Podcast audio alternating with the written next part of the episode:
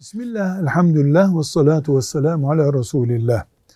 Siyer kitaplarında çokça duyduğumuz Peygamber Efendimiz sallallahu aleyhi ve sellemin amcasına söylediği, Ebu Talib'e söylediği amca sağ elime güneşi verseler, sol elime de ayı koysalar bu davamdan vazgeçmem şeklindeki hadis olarak rivayet edilen söz bir hadis ilmi kriteri açısından çok sahih bir bilgi değildir. Ama Resulullah sallallahu aleyhi ve sellemin 23 yıllık peygamberlik dönemine ait hatıraların bütünü bu sözün defalarca söylenmiş olduğunu doğrulayacak e, vakalarla, bilgilerle doludur. Bu muhteşem bir hakikattir.